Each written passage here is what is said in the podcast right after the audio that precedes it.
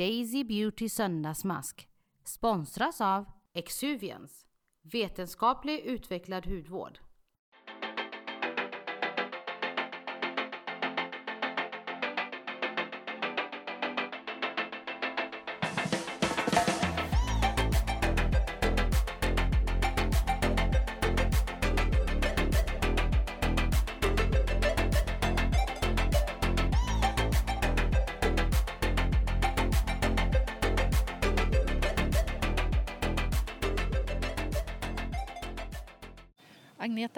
Hård är en av Sveriges främsta skönhetsjournalister. Hon jobbar på Aftonbladet och där har hon skrivit skönhet i ja, närmare 20 år.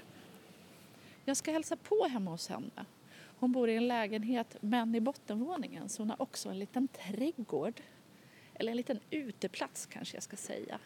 Jag står utanför den nu och den är väldigt lummig och grön. Det är buskar, det är träd, det är krukväxter på ett litet träbord. Och en gul katt. Vad mysigt. Jag ska se om hon öppnar.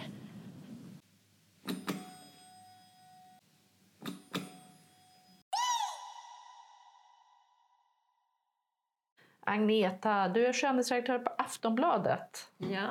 Det är ju väldigt annorlunda våra läsare som är super, super nischade och superkunniga och superbeautynördiga. Du skriver skönhet för i princip alla Mm. kvinnor. Mm. Hur är det?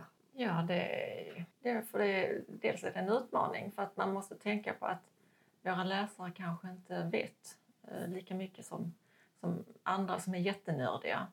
Så man får skriva ganska brett och ja, ta reda på rätt mycket om sin målgrupp. Och oftast är de, de är, våra läsare är lite äldre nu, de som köper Aftonbladet, och då får man tänka på det. Och Oftast. vad är äldre? Är det 40 plus, 50 plus Ja, eller skulle- 80 plus? Nej, men jag skulle... Det är säkert upp mot 45-50 nu, numera. Mm. Sen, sen läser ju många på nätet också, som är mycket yngre. Men, men i print, de som köper tidningen fortfarande är ganska, alltså lite äldre. De är vår aktningsvärda Ja. ålder. Jättegamla. Nej, men alltså, många är ju intresserade. Man kan ju vara intresserad även om man är äldre. Mm-mm. Alltså det följer ju med. Ja, är det inte så att man kanske till och med är mer intresserad om man är äldre i vår ålder, Absolut. medelålders och Absolut. uppåt? Då har ju allt börjat förändras. Mm. Man har inte den ungdomliga frisören längre. Nej, och man vill fortfarande se fräsch ut. Och hur gammal är du? 57? 58 snart. Är det du ser inte ut som 58. Du ser typ yngre ut än jag och jag är 46. Nej, tack så mycket. Vad är trickset? Jag är skönhetsredaktör. Ah. Gör du Nej. några eh, salongsbehandlingar, injektioner och sånt eller bara kräm? Eh, nej, det är inte bara kräm. men Jag, jag brukar göra syror. Vilka? Eh, AHA och BHA. Och, Hemma salong. eller på salong? nej, på salong. Och så mikro, mikroneedling är min, är min favorit. Ah. Men jag är, lite alltså försiktig. Jag brukar inte... Alltså, lite försiktig med botox och sådär. Och jag är lite rädd för sånt. Varför det? Nej, men jag, jag vet inte. Det, jag tycker det är läskigt bara med, med, med giftet. Sen tror jag ju att, att de som är... Man ska ju gå till en, till en klinik som, där de är, är duktiga och kan sin sak och att det är medicinsk personal. Men, men eh, nej, jag får se. Jag försöker hålla mig fräsch på annat. Ja, du ser ju tio år, år yngre ut än vad du är, så Tack. något gör du ju rätt. Tack. Använder solskydd. Ah, det är anti-aging tip number Ja, one. nej, nej, men man, man har ju sina knep. Ja. Mm. Ofta när du skriver skönhet så har du ett hållbarhetsperspektiv. Hur kommer det sig? Nej, men hållbarhet. Jag har varit intresserad av det ganska länge, måste jag erkänna. Jag vet egentligen inte när det började. Jag har alltid varit intresserad av naturen. Och vi hade stor trädgård i Ystad där jag är uppväxt. Och min pappa var, var intresserad av växter och vi var mycket ute i naturen, hela familjen. och Så, där. så jag antar att det, att det kanske kommit från alltså, uppväxten på något vis. Att ta hand om växter och blommor och sånt som, som växer. Men sen har det ju Alltså, när man är journalist så innebär det att man gräver ju rätt mycket. Alltså, var kommer det här ifrån? Man läser studier. Eh, hur, hur hänger det här ihop? Och, och då har det, har det liksom blivit att, att man vänder och vrider på, på ingredienslistor och, och på produkter och kollar hur, hur hänger det här ihop? Var är det här tillverkat? kommer det från Amazonas? Hur, hur långt har den här produkten forslats runt världen för att komma hit och så vidare? Hur är det odlat? Och lite sådana frågor som jag tycker är intressant. Mycket av det du både bloggar om och skriver om är ekologiskt. Är ekologiskt och hållbart samma sak? Nej, kanske inte. Jag tycker att hållbarhetsperspektivet är mycket, mycket bredare.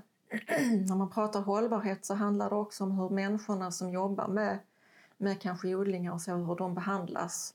Eh, behandlas de eh, på ett schysst sätt, eh, hållbart?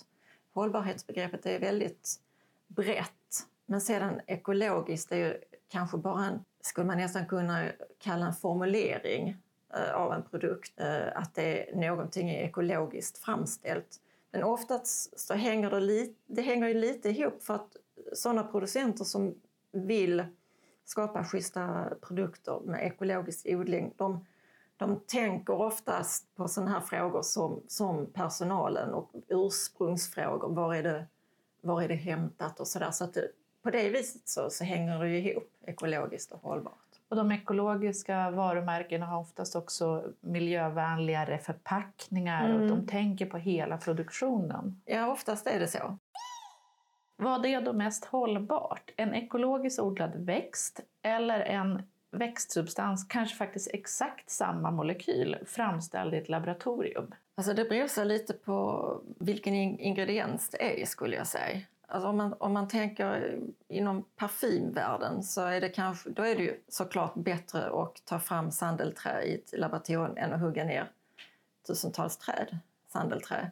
Så på det viset så just inom parfymbranschen skulle jag säga, där, där är det ju mycket bättre att ta fram substanser som ambra och så vidare i, i ett labb. Eh, rosor är också ett sånt där som man kanske skulle kunna tänka att, att det är bra att eh, ta fram i, i labb, doftessenser, för att det, det, kräver väldigt, väldigt mycket doft, alltså rosenblad. Men å andra sidan så kan det vara jag vet att i Afghanistan där de odlar jättemycket rosor så är det en, en grej för den lokala befolkningen till exempel att hålla sig ifrån opium. Så att det, det finns alltid för och nackdelar. De odlar rosor till I, parfym istället, istället för, för opium till eh, droghandel. Ja, exakt, mm. så då är det kanske bättre att och, eh, stödja det. Då är det mer hållbart. Så man måste helt enkelt ställa en massa frågor innan man shoppar sin parfym? Ja, det är ett av mina tips. Och om man pratar om vart saker och ting är gjorda, eh, är det mest hållbart alltid att använda svensk kosmetika än hudvård, hårvård, smink som har transporterats hit? Alltså, närproducerat är ju alltid bäst skulle jag säga. Alltid? Mm, alltså i, näst, i 90 procent av fallen. Eh, för då, och då tänker jag på transporterna. Jag tänker också på ingredienser, till exempel det som finns i den vilda naturen, alltså här i, i norra hemisfären som, som björk, havtorn, alltså ingredienser som, som finns vilt, lingon. Alltså det finns här, då behöver man inte åka till Amazonas och köpa acajbär eller göra någonting eh, från, från regnskogen. Och, och, och, det ska transporteras runt halva jordklotet. Och då är det bättre att tänka, tycker jag, lokalt finns det jättemånga bra labb i, Sverige, norra Europa. Att man, att man sträcker sig till, kanske jag skulle säga Europa i, sina inköp. Då, då, då, då är det mer hållbart helt enkelt. Så nordiskt eller åtminstone europeiskt? Ja. Ja. Vad är greenwashing? Alltså greenwashing är ju en, en, en tråkig grej. Det är, det är producenter som, som kannibaliserar på den här tanken om att, att man vill göra gott. Eller att de rider på vågen att, att det här är grönt, det är safe, det är bra. Eh, de tjänar pengar på, på den här trenden helt enkelt. Men är inte grönt gott? Alltså inte, inte när man ljuger, eller? Ah, så det är greenwashing är grönljug? Ja, det kan man, kan man väl säga. Det, man måste väl liksom vara uppmärksamma på, på ingredienser, vad ursprung och var det kommer ifrån och ställa frågor. Man får vara lite, ja, man får vara lite aktivist, men på, ett, på ett positivt sätt. Vad ska man ställa för mm. frågor då? Om det är någonting i butik som utger sig för att vara ekologiskt och man vill vara säker på att det är ekologiskt och naturligt och etiskt framställt. Vad är det man säger? Det är svårt. Går man till, till ett stort varuhus och, och ställer frågor till, till en expedit som står bakom disken så kanske man inte kan begära att, att den personen kan svara. Men jag tycker att man kan ändå vara uppmärksam på, på vilka, till exempel eh, en, en producent, var, är det en multinationell aktör? Är det en liten aktör? Finns till exempel om man är fram på en hemsida Finns det, finns det telefonnummer? Finns det, alltså att man kollar lite vilka som är bakom det här märket till exempel. Men är det kan... bättre med en stor multinationell aktör eller är det bättre med en liten independent aktör? Alltså det, det är också det är svårt att veta för att jag vet att Unilever och L'Oreal arbetar väldigt mycket med hållbarhetsfrågor. Och, och, och de är ju jättestora, ja. det är världens två största ja. skönhetsföretag. Ja, exakt. Unilever har en väldigt strikt policy när det kommer till laboring och barnarbete och så vidare. Och de äger i sin tur en massa välkända varumärken yes. som till exempel Dermalogica. Ja. Dove. Dove. Mm. Och L'Oreal i sin tur äger såklart allt som heter L'Oreal men även Kiehl's, Bioterm, ja, Lancome. Men jag tror att de har tvingats in också i en, i en typ av, av hållbarhetsstrategi. Arbete. Ja, för, mm. att, för, för att de, eh, konsumenterna efterfrågar det. Så allting, alltså det är liksom en liten cirkel. Ju mer man frågar desto mer behöver de stå på tå och svara. Så att om man som konsument går in i en butik och tittar på varumärken som ägs av Unilever eller Unilever, vad de nu heter, mm. eller L'Oreal, då kan man vara mm. ganska säkra på att det är schysst framställda produkter. De har i varje fall den eh, ambitionen.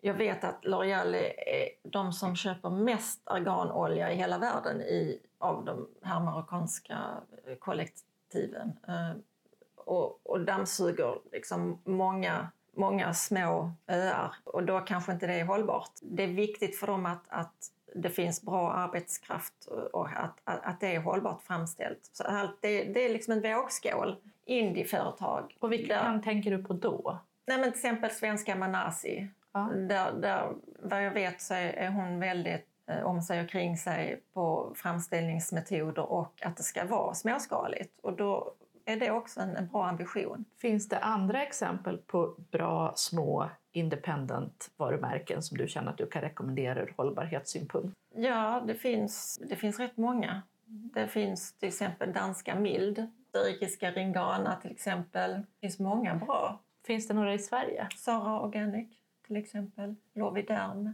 Loviderm, ja. Mm. jag är jätteförtjust i. Ja, det är en favorit. Rosenserien. Carovgärd. Ja, verkligen.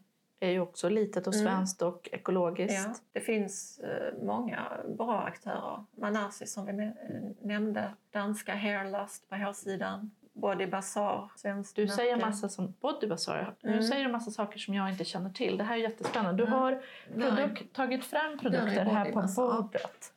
Vad det här? Det är en svart burk med en otroligt kryptisk etikett. Man de kan finns, knappt se vad det heter. De, de använder bivax i sin produktion, vilket jag tycker är sympatiskt. Ja, det är sympatiskt. Mm. Men bivax är ju inte veganskt. Är det alltså Nej. oviktigt om produkterna är veganska, tycker du? Så veganmärkning är ju bra, för då, då tar man hänsyn till att, att det ska inte vara eh, testat i, i labb på djur. Men den, den är ganska begränsande på det viset att till exempel fortfarande använder kanske petroleumbaserade grejer och det tycker inte jag är så bra. Varför är inte det bra? Petroleum eh, är ju en olja, eh, kommer från oljan och det är en väldigt eh, smutsig... Olja ska stanna i marken.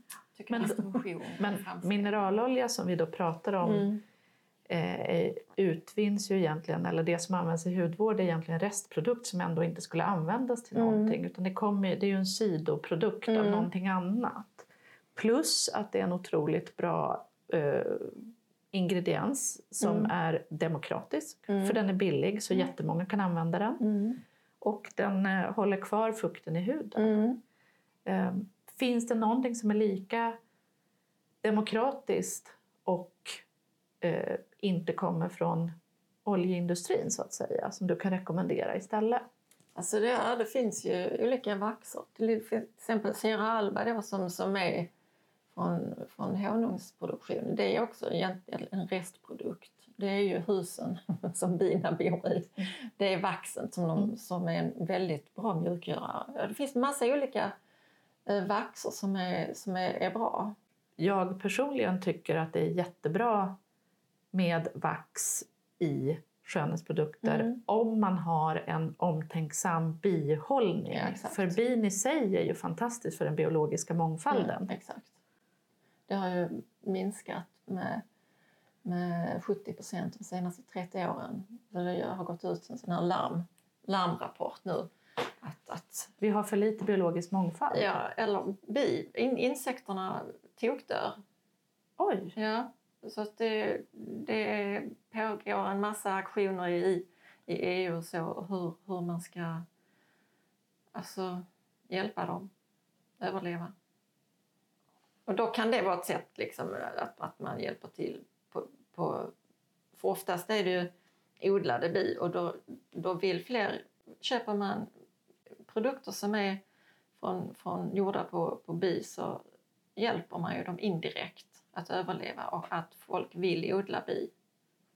Det här med bivax är ju en diskussion även inom vegan-communityn. Att en Mm. del tycker att det är en rimlig ingrediens för att man just hjälper till med den biologiska Exakt. mångfalden medan andra tycker att eftersom man då håller djur eh, för människans skull så är Mm. det oetiskt. Så att Mm. det är en, Mm. en pågående diskussion. Ja, Jag är för vax. mm.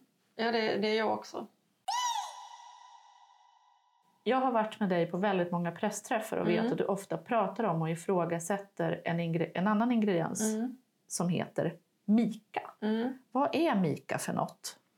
Alltså mika är ju en eh, mineral som man eh, bryter i norra Indien eh, under ganska eh, hemska omständigheter. Oftast är det barn inblandade. Eh, det, det är småskalig brytning. Man kan bryta det ganska grunt och oftast är det barn inblandade för att de kan krypa in i, i små...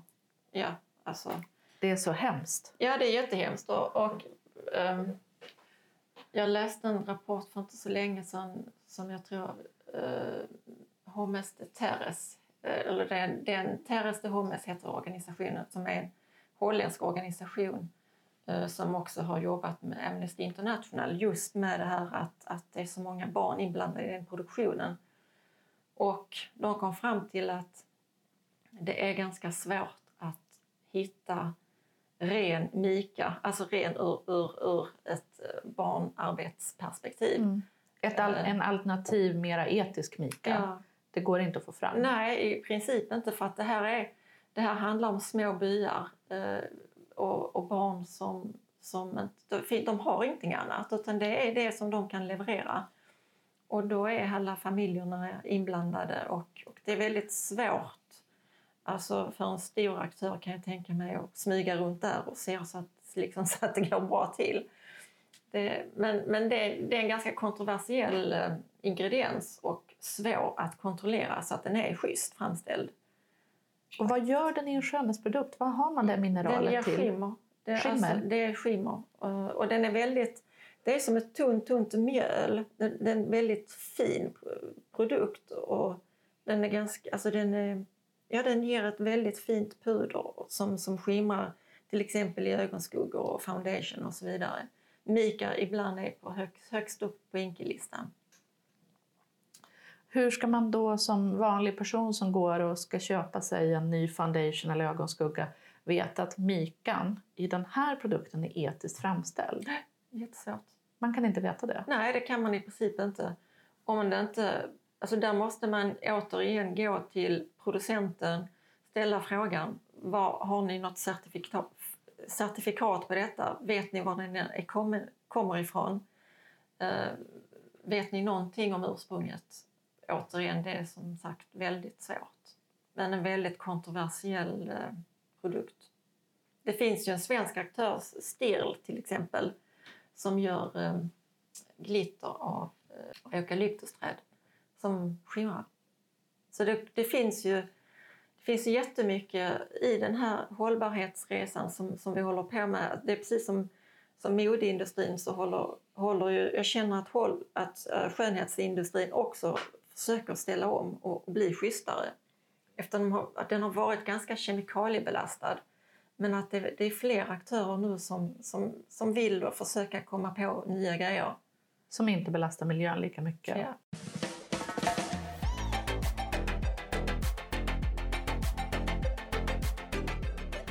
Daisy Beauty söndagsmask sponsras av Exuvians, vetenskaplig utvecklad hudvård.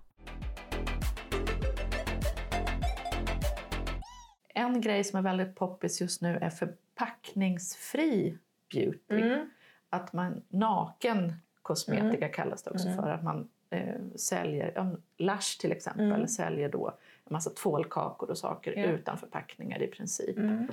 Och ehm, det har också kommit schampokakor eh, som bara ligger i ett litet papper istället Mm. för cellulosa och en kartong och allting. Mm. Eller en plastflaska till och med kan det ju Mm. vara på schampon. Är förpackningsfri beauty hållbart och bra? Eh, Ja, det skulle jag säga. Det som är bra med, med såna här torra produkter, det är att det inte är vatten i dem. Vatten, Vad är det som är bra med det? eh, vatten är ju en bristvara och kommer att bli allt mer i framtiden. Och dessutom håller ju produkterna bättre om det inte är vatten. Då behöver man inte ha så mycket konserveringsmedel.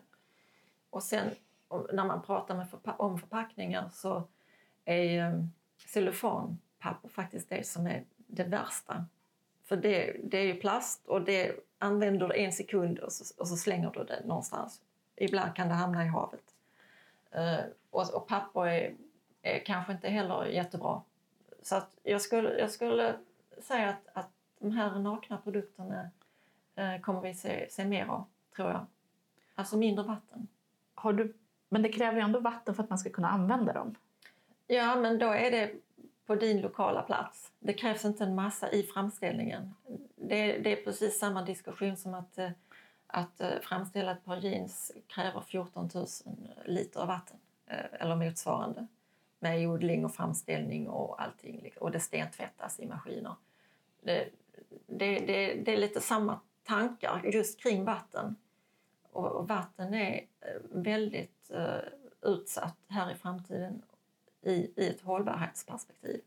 Och det är inte bara det att man inte behöver vatten i framställningen. Man behöver heller inte frakta en massa Nej. vatten lång väg Nej, kanske nej. till och med. Så Nej, det blir en precis. billigare och mer miljövänlig frakt också, de här produkterna. Exakt. På de pressträffar som vi brukar gå på tillsammans så ställer du ofta frågor om sulfater. Ja. Eh, Det är någonting man har i rengörande produkter Mm. egentligen för att det ska bli rent. Det är en tensidia, lösningsmedel. Ja. Mm. Och jag har förstått det på dig som att det här inte är så bra. Berätta, vad är problemet med sulfater?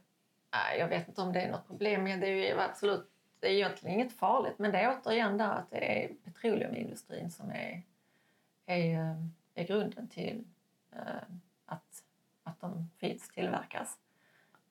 Man, kan, man kan göra sulfater även av, av till exempel kokosolja men det, det genomgår en ganska aggressiv ke, kemisk eh, process, bland annat lut och vissa gaser och sånt som, som gör att slutprodukten sulfat är ganska alltså, hårt miljöbelastad. Och det, det är väl det som egentligen gör inte... Folk får, får använda sulfater i, i hårschampo så mycket de vill. Eh, men man ska liksom veta att det tar, tar 30 dagar för, för miljön att bryta ner eh, sulfater. Det finns andra likvärdiga tensider som går mycket snabbare som, som naturen kan ta hand om. Vilka då? Alltså det finns eh, glutamat och sockertensider alltså som, som är mycket mer l- alltså lättare för, för naturen att bryta ner. Men och sen te- tensider är också ganska aggressiva mot hårbotten, eh, ska man veta. Och glutamat och sockertensiderna är mildare mot Mm. hårbotten.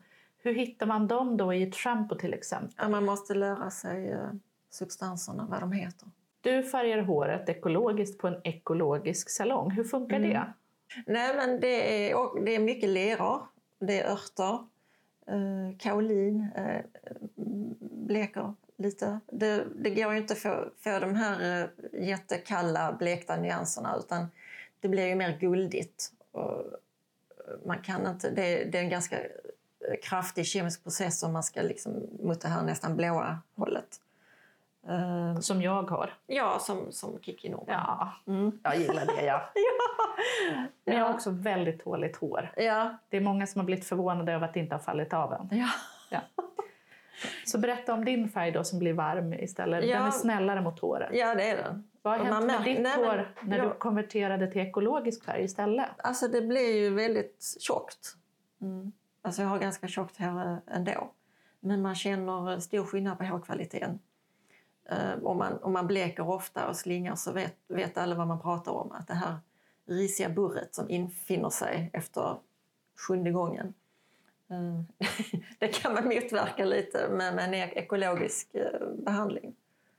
Det är inte lika aggressivt. Vi ska strax göra ansiktsmask, Mm. men eftersom du har hållit på med det här i 20 år och säkert har testat några tusen produkter inom varje kategori så tänkte jag att du ska ändå få tipsa om dina favoriter. Mm. Vilken är din absoluta favoritprodukt när det gäller hudvård? Får jag bara nämna en nu? Äh, du kan ta några. Ja. Eh, Alltså, när det kommer till kroppsvård så använder jag väldigt mycket oljor. Och då, då är jag väldigt förtjust i Mette Picots eh, kroppsvård. Eh, jag gillar Rosenserien också. Body Butter True Organics till exempel är också jätte, jättebra. Eh, Organics by Sara. True Organics är också ett svenskt märke. Mm, det är det. Och de, de håller faktiskt på att jobba med ett labb eh, på västkusten om att ta fram en eh, naturligt eh, solskydd från en alg. Skulle det ske så är det världens första nedbrytbara solskydd. Och det, det kommer bli en jättestor grej. Så jag hoppas verkligen att de lyckas med det. Jag också. Mm. Det där är jättespännande. Det är verkligen nä- nästa generation Ja. solskydd. För solskydd är väldigt eh, miljöbelastande. Inte minst för, för den marina miljön. Inte bra alls. Och skydda måste vi ju liksom göra. Och det har ju länge också varit så att ekologiskt har varit bara inom citationstecken Mm. ekologiskt. Och de senaste åren har vi sett en enorm utveckling när ekologiskt också blir teknologiskt, Mm. high tech. Exakt. Och det här är ju det yttersta högteknologiska ekologiska produkten att få fram Mm. ett nedbrytbart solskydd. Mm. Jättehäftigt. För kroppen så gillar du till exempel Mette PK, Rosenserien, True Organics och Organics by Sara. Det är tre, Mm. fyra svenska varumärken Ja. och du gillar mycket kroppsoljor. Vad använder du till ansiktet då? Ansiktet eh, an, använder jag till exempel eh, Dr. Hauschka. Gillar Mm. jag mycket. Och här har du tagit med dig en liten tub. Mm. Regenerating Day Cream Intense. Berätta om Mm. den. Ja, alltså det, innan så använde jag deras kvittenkräm eh, som var typ en av de första de tog fram för hundra år sedan. Men, men nu har jag gått över till den här Regeneration Tageskräm, Day, day Cream, Tageskräm, Tagescreme. intensiv. Alltså den passar min hy som är lite äldre då, har jag märkt. Och så gillar jag doften och konsistensen. Får känna. Mm. Den, Åh, den är fin den, i doft, formuleringen. den doftar som en ehm, eh, blomträdgård men Mm. inte som en parfym. Nej, Det är liksom jag gillar deras dofter. ja, men en örtig blomma, Mm. skulle man säga. Exakt. Och lite nästan lakritskänsla. Mm. Mm. Ja, ja. Underbar! Mm. Sen har du en blå plastflaska med vit kork och en eh, väldigt eh, Skepp Ohoi Sjöman Jansson-etikett med blåa Ja, och bruna ränder kan vara på. Den ser lite den- marint inspirerad. Det kan vara för att den är lite äldre. Jag tror att de har den i en annan typ av förpackning nu. Men eh, det, är en, det är en rengöringsolja från Loviderm. Och vad är Loviderm för varumärke? Alltså Loviderm startades av Lovisa Svärd som var en, en, är en ikonisk uh, hudterapeut som tog, tog fram sina egna produkter på 70-80-talet. Ja, hon har varit med länge. Väldigt länge. Och eh, fantastiska produkter. Nu vet jag inte vilken kemist eh, hon, hon jobbar med, men eh, svensk kemist som tar fram dem. Och det här är en rengöringsolja. Som, som övergår, övergår liksom in i vatten, är vattenlöslig, Mm. emulsion. Fantastisk. Tar den bort eh, allt smink? Yes. Underbart. Mm. Sen har du en liten glasburk med svart lock och några silverfärgade kapslar i. Vad är Mm. det här för något? E-cooking, det är ett serum faktiskt i förpackat i, i små kapslar som jag är väldigt förtjust i. Jag gillar det här märket. Det är danskt. Eh, Vad är det du gillar med det? Alltså jag är, är, jag är lite sån här konsistensnörd. Eh, men gillar inte silikoner. Och då, då, det är en ganska stor utmaning för, för kemister att få ihop eh, bra konsistenser. Eh, Varför det, gillar du inte silikoner? eh, alltså det finns ju bra silikoner, det ska jag ju inte. Men det, det är återigen den här plast. Det är ju en mikroplast då som kan hamna i... Den är ju inte reglerad.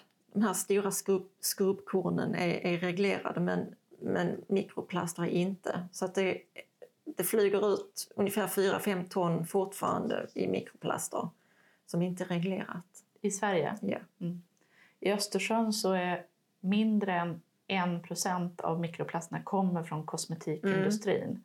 De största bovarna är fiskindustrin, det är bildäck, Däck, det är bildäck. fotbollsplaner och konstgräs. vet, det är hemskt. Så att kosmetiken är inte en stor bov i sammanhanget. men, man, Men- Man, man, fyra ton är fyra ton. Ja, Alltså, man vill ju ändå bli av med de fyra tonen. ja, precis. Och då har e-cooking hittat ett bra alternativ till silikoner i det här Firming Serum. Mm. Helps to reduce fine lines står det på etiketten. Har du märkt något av det? Ja, Jaha. nej jag vet inte. Nej, men jag måste väl nämna Byko också som jag gillar. Byko ska du Mm. absolut nämna. Ja.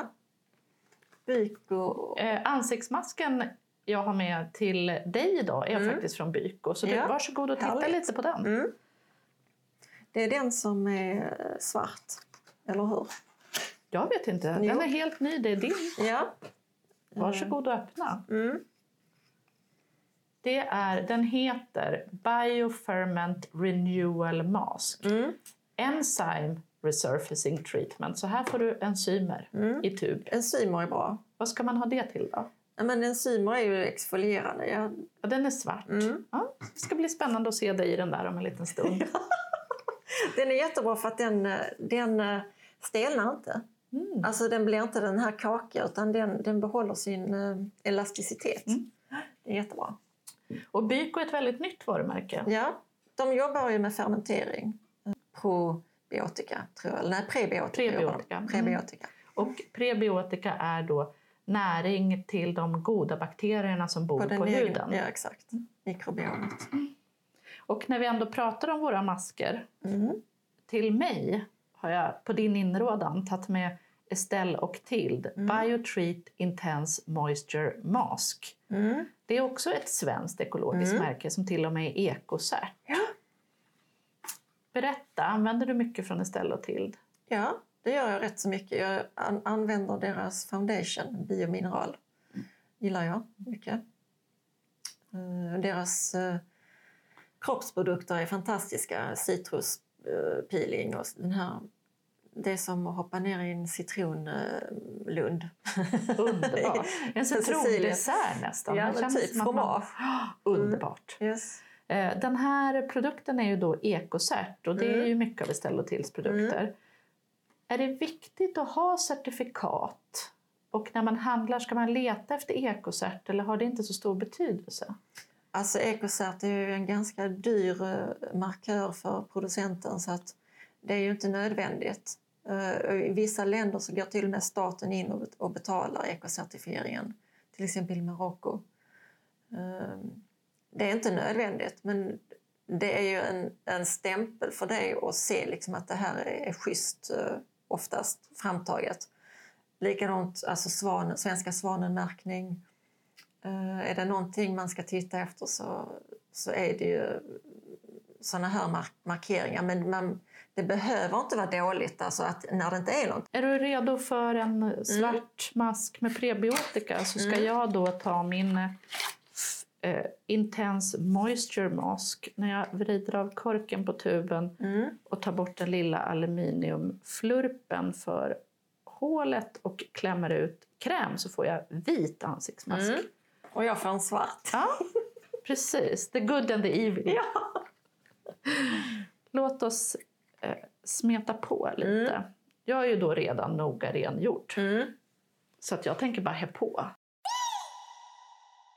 Sådär ja, nu har vi varsin mask i ansiktet. Jag är vitkladdig och på hakan ser det lite ut som att jag har tomteskägg av all kräm. Mm. Medan du är svart och ser ut som att du har rånarluva på dig. Jag ser inte klok ut. Berätta, hur känns det med all den här prebiotikan i ansiktet? Nej, men det känns bra. Med tanke på att det är kol i den, så, vilket brukar stelna, så känns den väldigt mjuk och skön. Den är följsam. Inget som stelnar. Och jag har eh, någon eller några ingredienser som jag är allergisk mot och jag Mm. vet inte vilka det är. Men de förekommer oftare i ekologiska produkter än Mm. i eh, traditionella eh, skönhetsprodukter. Och jag känner inte någonting av det i den här fuktmasken så jag är supernöjd. Den Mm. känns bara behaglig och eh, jag la på ett ganska tjockt lager så jag Mm, jag räknar det. med att få en härlig återfuktande Glow. effekt. Ja, ja, jag kom, och dessutom att torrhetslinjerna försvinner. Mm. Det räknar jag kallt med. Så jag räknar med att eh, när jag går härifrån så är jag tio år yngre än när jag kom. Mm. Det är rimligt va? 38. Ja, ja.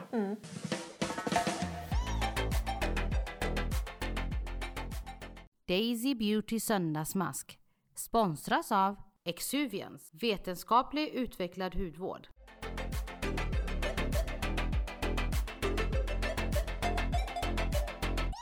Nu har vi tvättat bort våra ansiktsmasker. Hur känns det i ditt ansikte?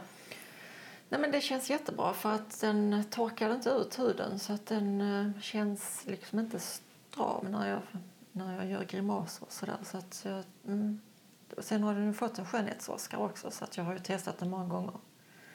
Jag vet ju att den är bra. Men det måste ju vara något mer som gör att den är bra än att den inte gör huden stram. Nej, men just det här stramheten är ju obehaglig tycker jag. När, när det känns som man, man har eh, eh, ja, som ett sandpapper i, i ansiktet när man grimaserar. Och det händer inte nu. Så att jag antar att den eh, inte torkar ut. Och det, det är en bra grej. Speciellt när man har äldre hud. Och hur känns huden nu? Den känns bra, ren. Jag känner mig len. Jag är nöjd. Min, fukt, du? min fuktmask har- också gjort huden väldigt len. Mm. Det känns liksom som att hudytan är lite jämnare. Förmodligen för att den innehåller hyaluronsyra och det har blivit lite plumpat på Mm. ytan. Hyaluronsyra gör liksom att huden blir Klumpar. lite fylligare Mm. och då kan fina linjer och såna där saker bli lite grundare. Mm. Tillfäll- lite tillfälligt. Tycker Du du att får- jag har lite glow? Jag går och tittar i spegeln så Jag ska ta och titta i spegeln. Men, eh, det känns bra. Mm. Eh, lite rödheter så Ja. tyckte jag i pannan. Men ingenting som... Eh, lite rödheter i pannan men eh, ingenting som jag känner är Nej. anmärkningsvärt Nej, på något precis. sätt. Nej. Däremot så tror jag att den här eh, fuktmasken kanske passar en Lite yngre hud bättre. Jag förväntar mig nog lite mer Mm. i min, min aktningsvärda ålder av 46 år snart. Mm. Den här passar nog eh, väldigt bra för en 40, 40 plus skulle jag säga. Mm. Jag tar med mig den och så gör jag den nästa gång. Ja. En eh, sista fråga innan jag och din ansiktsmask går härifrån. Om jag vill hjälpa miljön när jag skönhetsshoppar, vad ska jag då tänka på? Har du några jättebra tips? Ja, jag tycker att man ska tänka närproducerat, gärna i Sverige, Europa, eh, så att man slipper långa transporter. Det värsta man kan göra för miljön är att klicka hem en eh, mascara från eh, Korea, USA till exempel. Snabba cash, men dåligt för, för miljön. Och sen tycker jag att man kanske man kan leta efter ekologiska produkter för då, då oftast är det så att de har tagit eh, lite mer hänsyn till ursprung och hur, hur människor behandlas. Eh, lite mer hållbarhetsperspektiv oftast på ekologiska grejer. Ja, cellofanet. När, när det gäller förpackningar så tycker jag att man ska skippa produkter som är förpackade med cellofan. Det är rätt så dåligt. Eh, Så att man ska ha en förpackningsstrategi också med i sitt tänk tycker jag när man shoppar. Bra tips. Mm. Jag känner att eh, det blir aldrig mer någon cellofan för mig. Nej, Så kanske kan vi inte ha det. Nej, det kan Nej. inte. Nej, och ju fler som väljer bort det, desto eh, oftare tänker producenterna också på att, att göra bättre. Tack för att du har söndagsmaskat med mig. Ja, tack så mycket. Det var jättekul.